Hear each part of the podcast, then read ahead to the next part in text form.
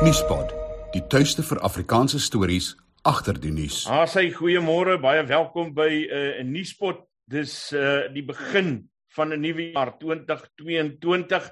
Ons het geëindig met 'n uh, met 'n ontploffing van politieke gebeure aan die einde van 2021 en uh vanoggend het ek by my professor Andrei Dievenage aan Noordwes Universiteit om so 'n bietjie te gesels oor uh wat moontlik vir ons kan wag in hierdie nuwe jaar. Ons weet politiek is nooit ehm um, seker nie. Uh dit kan sommer binne 'n dag kan dinge verander. Maar maar net om te help om vir ons 'n prentjie te kry. Môre Andrei. Môre Isak.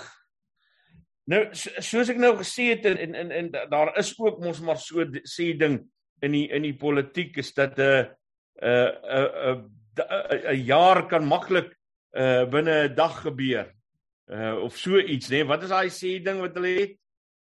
Isak ja partykeer sê hulle 'n dag kan baie lank wees in die politiek. So daar kan geweldig baie dinge gebeur op 'n baie kort tydstip so ja in daai sin kan jy sê 'n jaar het 365 dae so mense kan amper so ver gaan om te sê 'n wêreld kan verander in 'n jaar se tyd. En, en en ons het dit nou al inderdaad in die Suid-Afrikaanse politiek gesien Ek bedoel ons het dan nou ons het dan alselfs 'n slag vir 3 dae 'n uh, uh, minister van ekonomie van finansies gehad. 3 oor wat ja. Inderdaad, inderdaad is dit so en weet jy eintlik wil 'n mens die lyn breër gaan trek. Jy wil eintlik gaan sê dat die wêreldpolitiek op soveel vlakke is deurmekaar op die oomblik. Mm -hmm. En daar kan wêreldgewys kan daar dramatiese veranderinge gebeur wat ons situasie ook hier kan beïnvloed. Maar ongeag daardie dinamikas daar aan die buitekant, mm -hmm. sit ons intern met 'n uiters vloeibare situasie. Dis nou 28 jaar sedert die inwerkingstelling van die grondwet. Dit is 'n 'n moeilike tyd waardeur die Suid-Afrikaanse politiek gestuur het sedert eintlik die Zuma tyd. En in die Ramaphosa tyd het ons ook met verdere uitdagings te maak gehad. Mense sê dat die uitdagings eskaleer. Jy kan die dinamieke hiervan op talle terreine lees. Dit wat binne die ANC gebeur op die oomblik en wat ons verwag om te gebeur tot en met die nasionale konferensie van die ANC. Ons sit met die uitdagings rondom die staat. 'n Staat wat besig is om al hoe meer te disintegreer en uitmekaar te val tot die punt waar mense praat van die totstandkoming van 'n parallelle staat waar jy eintlik die staat se funksies oorneem in eie reg op talle terreine. Ons sit met reuse maatskaplike en ekonomiese uitdagings. So ja, Isak, die wêreld is aan die verander, Suid-Afrika verander en ek reken dat 2022 'n baie belangrike en bepalende jaar vir die Suid-Afrikaanse politiek kan wees vir wat gebeur het eintlik al verlede jaar hmm. met die plaaslike verkiesing en die uitspeel in die jaar die opbou na die nasionale konferensie, die voorbereiding vir 'n nasionale verkiesing in 2024. Nou ja, en jy het dit nou gesê, ehm um, alles wat ons nou gaan bespreek, uh die uh is gehul in die nadraai van uh van verlede jaar se munisipale verkiesings en die uitkomste daarvan. Ehm um, en ek wil sommer begin by uh die ding wat uh, nou op die voorstoep lê en en en dis die ANC se 8 Januarie verklaring. Dis 'n ANC wat uh wat so bietjie bloedneus gestamp is in terme as mens hulle in terme van syfers gaan meet en uh en 'n paar ver, ver, verrassings gekry het um wat hulle nie sien kom het nie die ander mense het dit sien kom maar hulle het dit nie sien kom nie. Maar maar hulle gaan 8 Januarie daai jaarlikse uh, verjaardag van die ANC. Kom ons praat bietjie oor die party wat op 8 Januarie bymekaar kom en uh sy planne vir die jaar maak. Isak om by 8 Januarie uit te kom, moet ons net so 'n bietjie van 'n historiese beeld gee uh om te sien waar hoe ons uitkom by 8 Januarie. En ek wil dit begin gaan haal by 2017 waar Ramaphosa aldus ANC kringe, sekere kringe op 'n omstrede wyse verkies is tot president. En daarna het 'n klomp dinamieke binne die ANC uitgespeel en dit is my oordeel dat was dit nie vir die COVID uh probleem waarmee ons te maak gehad het nie. En die feit dat die beleidskonferensie, die tussenin konferensie nie plaasgevind het nie, sou die druk op meneer Ramaphosa waarskynlik baie groter gewees het.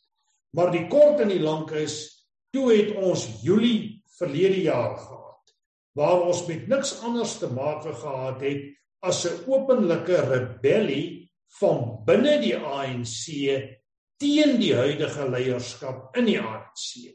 En dit het baie te maak gehad met die Zondo-kommissie en die implikasies van van die goed wat in die Zondo-kommissie van ondersoek na vore gekom het wat senior leiers baie regstreeks impliseer wat die staatsveiligheidsagentskap impliseer wat staatskaping eintlik motiveer soos dit in baie van die boeke wat daaroor geskryf is alreeds beklemtoon is.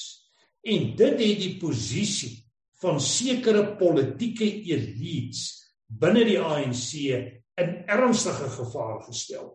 En ek moet sê die geweld van Julie verlede jaar was wat my aanbetref 'n baie belangrike keerpunt en breekpunt binne die ANC.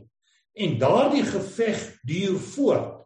Op die oomblik sien ons die uitspeel daarvan in talle forme van sabotasie waarin byvoorbeeld Eskom geïmpliseer is Daar is persone wat op die oomblik die brandstigting by die parlement ook polities wil koppel. Ek wil nie sê dit is daar nie, maar dit sal definitief 'n moontlikheid wees wat ondersoek kan en waarskynlik gaan word. Nou as ons hierdie goed saamtrek en ons kyk waar staan die ANC op 8 Januarie 2022, dan is ek bereid om te sê dit is 'n organisasie wat in talle opsigte voor baie groot uitdagings te staan gekom het. In die eerste plek 'n leierskap uitdaging. Daar's reeds aanduidings dat meneer Ramaphosa geopponeer gaan word einde van hierdie jaar.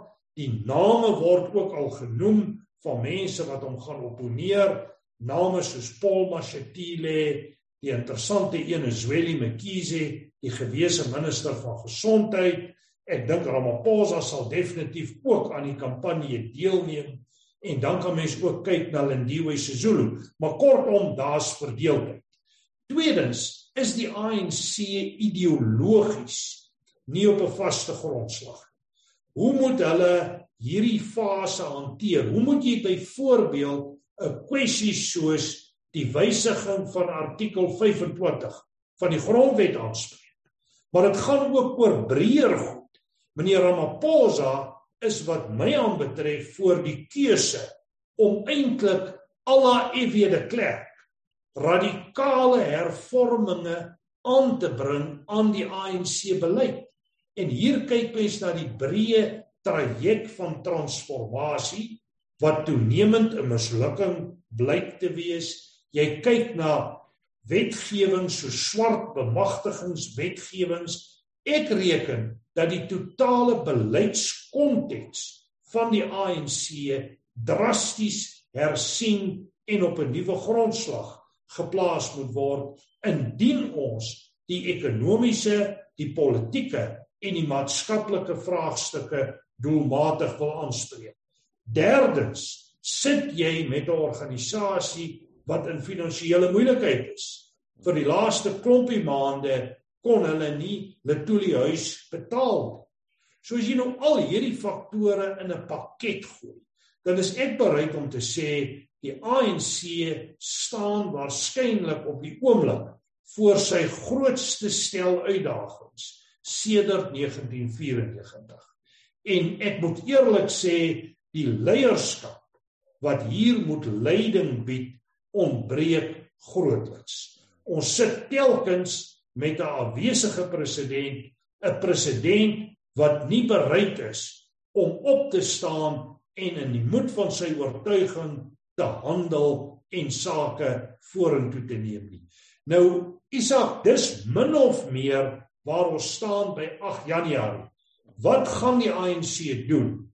Ek verwag dat die ANC 'n lae vlak konvensionele verklaring gaan uitreik in terme van hulle hoog hoë strategiese prioriteite goed soos werkskepping, die stryd teen armoede, die stryd teen korrupsie, daardie ou geuite tipe goed sal hulle weer noem en uh hulle sal waarskynlik 'n bietjie reflekteer op die verkiesing van einde verlede jaar en met bepaalde voorstelle kom in die verband en dan bepaalde breë planne. Maar ek verwag nie 'n vreeslike dramatiese aankondiging nie.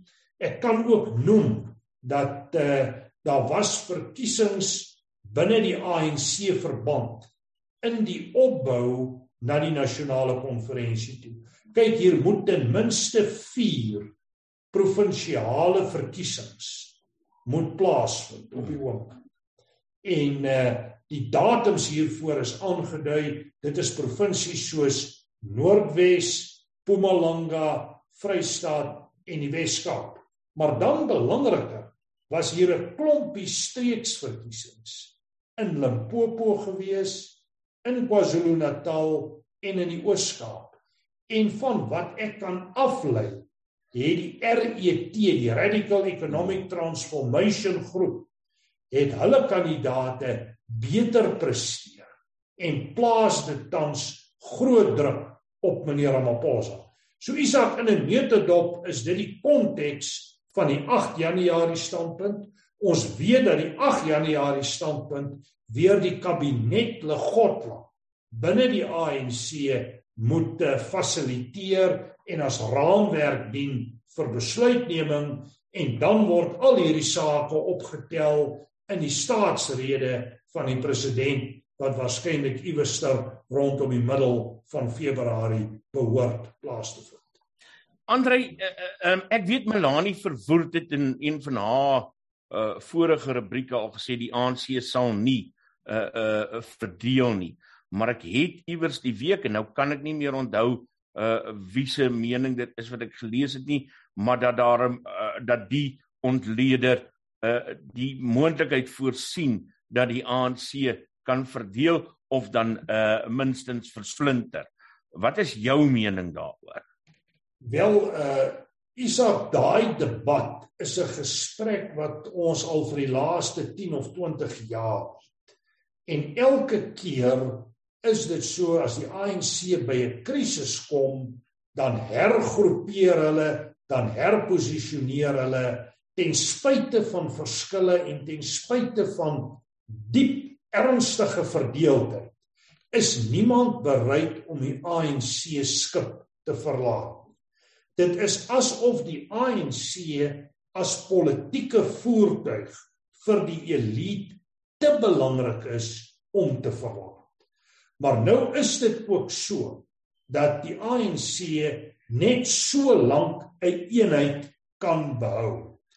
En ek dink waar ons op die oomblik staan, Isak, en die situasie is in kort dat die RET groep teenoor die Ramaphosa lyn en mense praat tog van derde groepe en vierde groepe ook binne die ANC is tans van so 'n aard. En ek dink die geweld van Julie verlede jaar bewys dit ook dat die ANC op 'n manier 'n naam bestaan maar nie meer as 'n funksionerende entiteit kan optree en kan handel nie. Die krisisse binne die organisasie het gewoon te groot geword. Ek dink wel dat persone sal probeer vashou tot die bitter einde. Maar kom ons trek twee scenario's.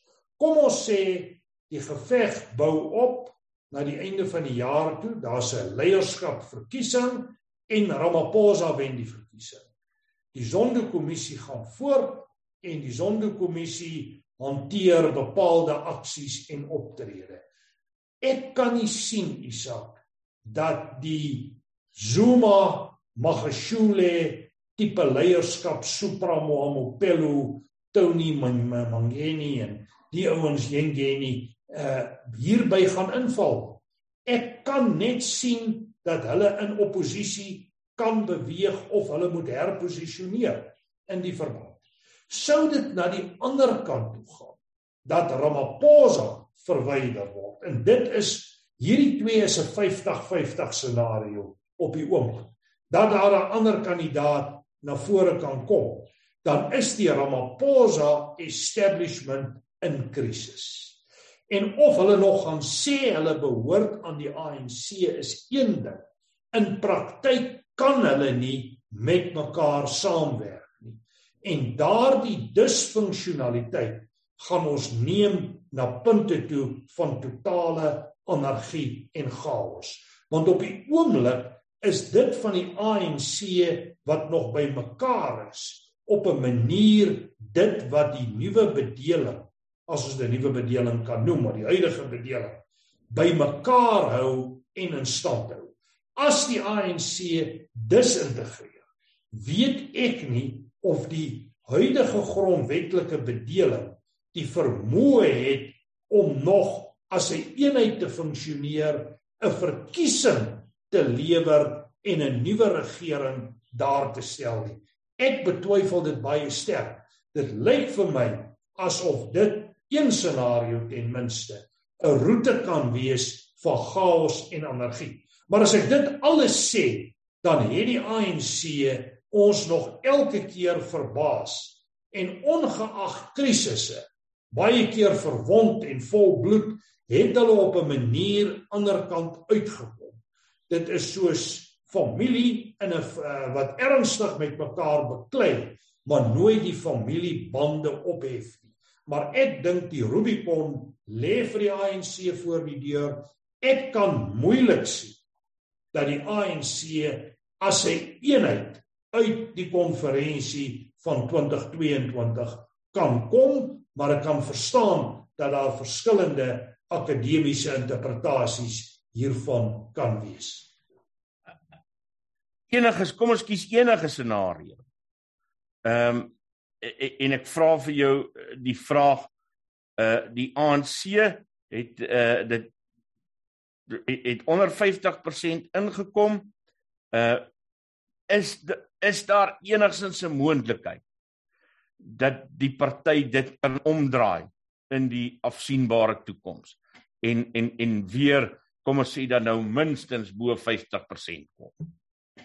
Isak, kom kom ons sê wonderwerke gebeur ook in die politiek en die empirie van bevrydingsbewegings 30 jaar wys vir ons ongelukkig die teenoor. Dit wys vir ons dat 'n party wat in 'n kom ons noem dit 'n postkoloniale tipe konteks as 'n bevrydingsbeweging beheer geneem het, hulle hou twee dekades, een dekade het hulle eintlik 'n honeymoon periode, dan in die tweede dekade begin die sake 'n bietjie wankel, politieke apatie neem toe en dan in die derde dekade word die party toenemend met krisisse gekonfronteer. Duidelik is die ANC midde in daardie krisisse. En daar is geen twyfel. Kyk as jy nou Zimbabwe vat as 'n parallelle voorbeeld. Was dit nie dat Robert Mugabe en ZANU-PF ten minste twee verkiesings gemanipuleer het nie? dan was ZANU-PF alreeds 'n dekade of wat gelede in die moeilikheid. En ek is bereid om te sê hulle het eintlik al die verkiesings sedert omtrent 2006 het hulle verloor. Nou dieselfde scenario is die ANC se scenario. Die meer waarskynlike scenario is dat die ANC nie weer bo 50% gaan kom nie. En Isak, dit het verrykende implikasies vir die politieke landskap. Ek wil dit, dit vir jou vra. Ek wil dit vir jou vra. Ehm um, want dit is deel van uh, die betoog wat jy nou gelewer het oor bev uh, bevrydingspartye. Ehm um, as 'n mens kyk na die geskiedenis daarvan, soos wat jy nou gesê het, dan is dit ook die een kenmerk van bevrydingspartye wat uh, uit mag uitval. En dan is uh, die volgende opsie om die verkiesings te manipuleer of dan op een of ander verskriklike manier ons het dit in Zimbabwe gesien ons het dit in ander dele gesien ehm um, chaos te veroorsaak en uh, uh, regtens of ten onregte is daar klaar mense wat sê die die brandstigting by die parlement is deel van hierdie reaksie. Uh ek wil dit nie daarmee verbind nie. Ek sê die sentiment bestaan. Mense koester daai idee. Wat maak indien enigsins dat sal maak dat ons nie daai pad loop nie. Of gaan ons? Isak daar is goedgelowiges wat glo dat die Suid-Afrikaanse regstaat tot so mate geïnstitusionaliseer en gevestig is dat hy eintlik groter en sterker is as 'n politieke party of groepering soos die ANC en dat die konstitusionele bedeling sterk genoeg is om 'n ANC regering te kan oorleef dan is daar argumente tot die teendeel. En hier wil ek onder meer verwys na Koos Malan se boek There's no supreme constitution wat ernstige vrae begin te vra oor die oppermagtigheid van die grondwet en wat eintlik die argument voer dat die ideologie van die ANC wat hy noem transformatisme ondermyn die wesenskern van die grondwet en die grondwetlike bedeling. Kortom, dink ek die Suid-Afrikaanse regstaat is in 'n krisis. Die ANC regering is weliswaar baie verswak op hierdie stadium. Maar ek moet vir jou sê na my oordeel en hier moet jy teruggaan op die ANC. Die ANC is nie net 'n organisasie wat geveg het vir menseregte en vir demokrasie. Dit is 'n organisasie wat baie donker en dowwe kante het. Dit is 'n organisasie byvoorbeeld wat kwatro kampe gehad het waar mense op vreemde maniere wreedaardig mishandel en selfs vermoor is. Dit is sodat na die geskiedenis staan daarvoor dat daar ook kriminele komponente deel van die ANC is. En op 'n manier het dit geïnstitusionaliseer geword na 1994 en die uitkoms hiervan was goed soos byvoorbeeld staatskap en endemiese korrupsie en rooftogte. En daar's baie argumente dat die ANC verval het in 'n kultuur van kriminalisering en dat hulle eintlik hulle magsbasis misbruik om op verskeie maniere voordele te kry. Richard Medluli is 'n voorbeeld in die verband. Arthur Fraser en sy aktiwiteite binne SSA is 'n voorbeeld in die verband. Nou as jy die lyn vat, is ek bereid om te sê dat 'n organisasie soos die ANC sal baie moeilik van mag afstand. Hulle sal letterlik tot die uiterste gaan om mag te behou. En ek is bevrees ons het nie al die getuienis nie, maar hierdie sabotasie wat ons sien binne instellings soos Eskom. Jy het na die parlement vroeër verwys. Ons kan maar gaan kyk wat het gebeur in KwaZulu-Natal Julie verlede jaar wat niks anders was as misdadigheid waarin oor die 300 mense gedood is en waarin 50 miljard se skade aangerig is en die optrede was maar lou en vlak. Waar het jy al gesien dat in 'n demokratiese bedeling word korrupsie gepleeg in die orde van 500 miljard tot 1,5 triljoen en daar is geen noemenswaardige optrede en handelinge. Daar's boeke daaroor geskryf, daar's bewyse. Nou as dit die tipe organisasie is waarvan ons hier praat, wat is die kans dat hulle van mag gaan afstand? Ek dink die kans is klein. Ek dink hulle sal hulle eerder wen daartoe om prosesse te manipuleer. Jy sou waarskynlik ook kon toetree tot 'n praetoriaanse situasie. En dit is in hierdie omgewing waar ek reken leierskap bitter belangrik is. Dis hoekom ek reken dat iemand soos Ramaphosa moet nou al daai EW de Klerk opstaan en sê met hierdie bedeling kan ons nie voortgaan. Hier moet ons hervorm. Hier moet ek daadwerklike stappe neem. Maar dit lyk vir my of die magsbasis van Ramaphosa so ver verkrummel het dat hy eintlik eerder as om te hervorm besig is met die politiek van oorlewing en die heeltyd probeer om sy magsbasis binne die ANC te probeer konsolideer en te probeer behou. Andre, ek wil nou met so klein aanloopie kom uh vir my volgende vraag wat wat eintlik nog maar net 'n opvolg hierop is. Ehm um, ek en jy gesels dan al nou al lank politiek genoeg politiek dat ek die reëls van 'n onderhoud en van journalistiek so bietjie kan breek, maar net om net om vir myself in 'n in 'n in 'n stukkie konteks hier te plaas. Ek onthou vroeër jare want ek was deel van daai koor gewees. As mense gesê het ons gaan 'n Zimbabwe word, dan het ons gesê ag nee man, julle is alarmisties. Ehm uh, moenie so negatief wees nie en dan het ons beklei met sulke mense. Ehm um, as mense gekom het en hulle gesê het ons ekonomie gaan in mekaar intuimel, dan het ons gesê ag nee, julle is alarmisties. Moenie so negatief wees nie. Uh, kyk hier, dit en dit en dit is die positiewe dinge wat gebeur. As ons het die staat gaan die staat gaan basies maar 'n mislukte staat word, dan het mense jou beskuldig van alarmis uh, om alle dat jy alarmisties is. Ehm um, en en en eh, so gaan hulle 'n uitlating soos hierdie dat dat die ANC as 'n bevrydingsparty ten alle koste mag gaan wil behou en dit op negatiewe maniere gaan doen uh as uh, alarmisties uh uh um etiketeer.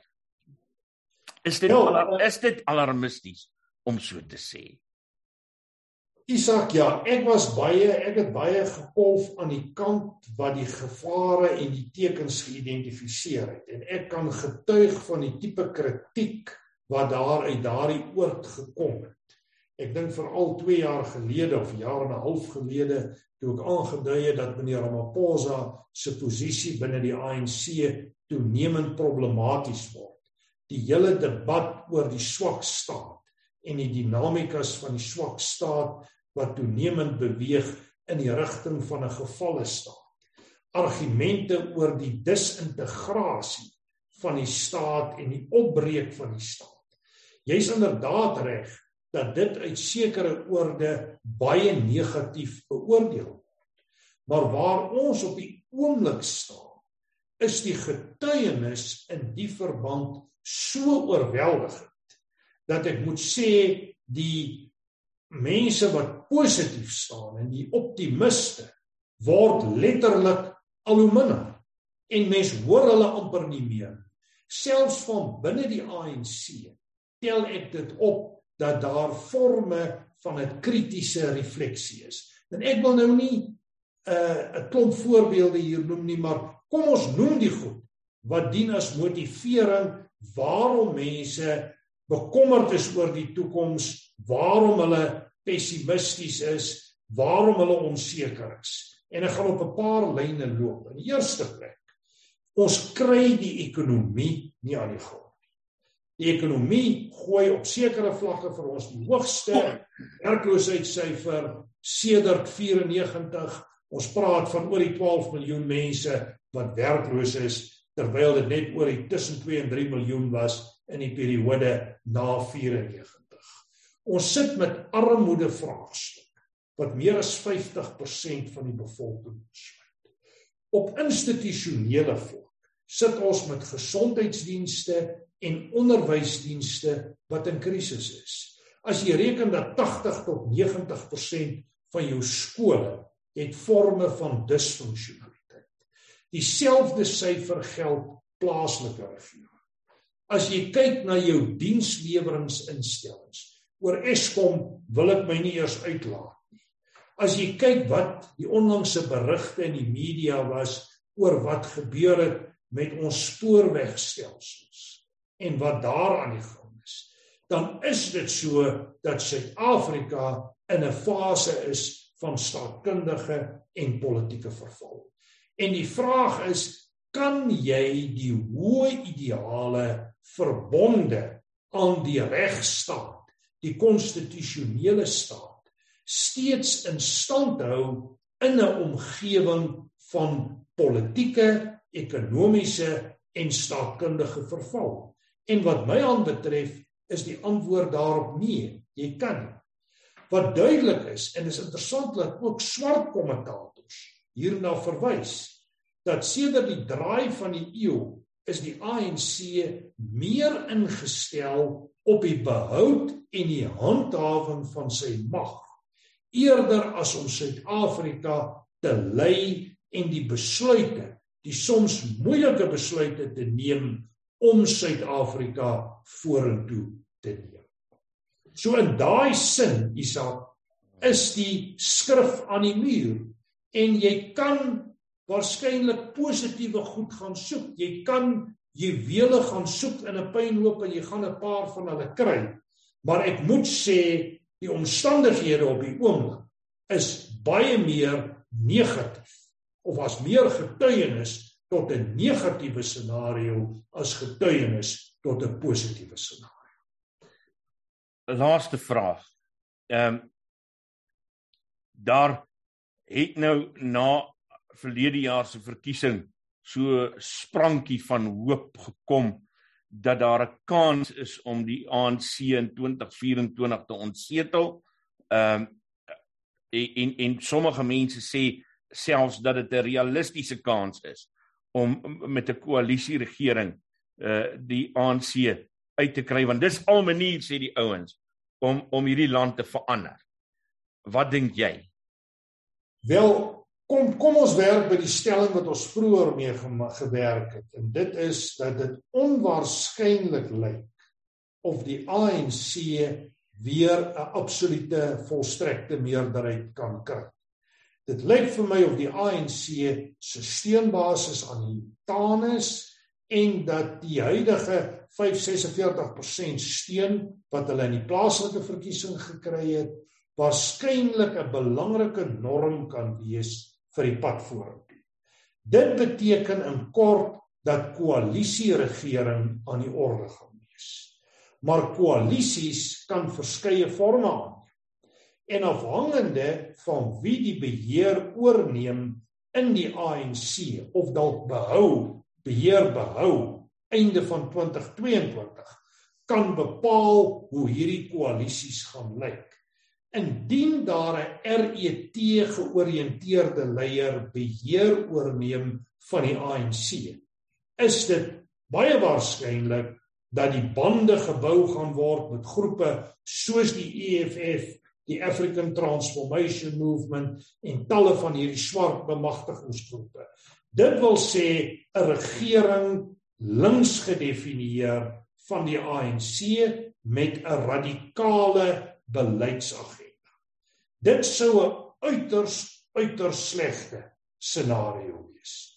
Na die ander kant toe kan 'n gematigde groep beheer van die ANC oorneem en kan daar in koalisies beweeg word met groepe soos die Demokratiese Alliansie, selfs 'n party soos die Vryheidsfront Plus, die ACDP, die IFP en 'n paar van die partye wat as meer gematig geag word. Indien ons so bedeling kan kry, kan ons antwoorde kry. Maar eersgenoemde scenario is 'n baie negatiewe scenario. En dan aanvaar ons die basis dat 'n verkiesing dat die staatkundige bestel hou en dat die staatkundige bestel vir ons 'n relatief vry en regverdige verkiesing lewer. Wat ek lees is dat die hoop lê vir 'n gematigde koalisie, 'n koalisie van gematigdes om Suid-Afrika vorentoe te neem en die hervormings aan te bring wat noodsaaklik is. Maar ek lees dit op hierdie stadium as 'n scenario, maar nie noodwendig die sterkste en die mees dominante scenario. Professor Andre Dievenage, daar's baie meer waaroor ek met jou wil praat. Daar's baie meer waaroor ons kan praat. Dis altyd so. Ehm, um, maar die tyd beperke ou altyd. Maar maar baie dankie. Dankie dat jy vir ons tyd gemaak het. Dankie dat jy jou insigte met ons deel. Uh lekker gesels. Nuuspod. Onbevange, onbegrens, onbevooroordeeld.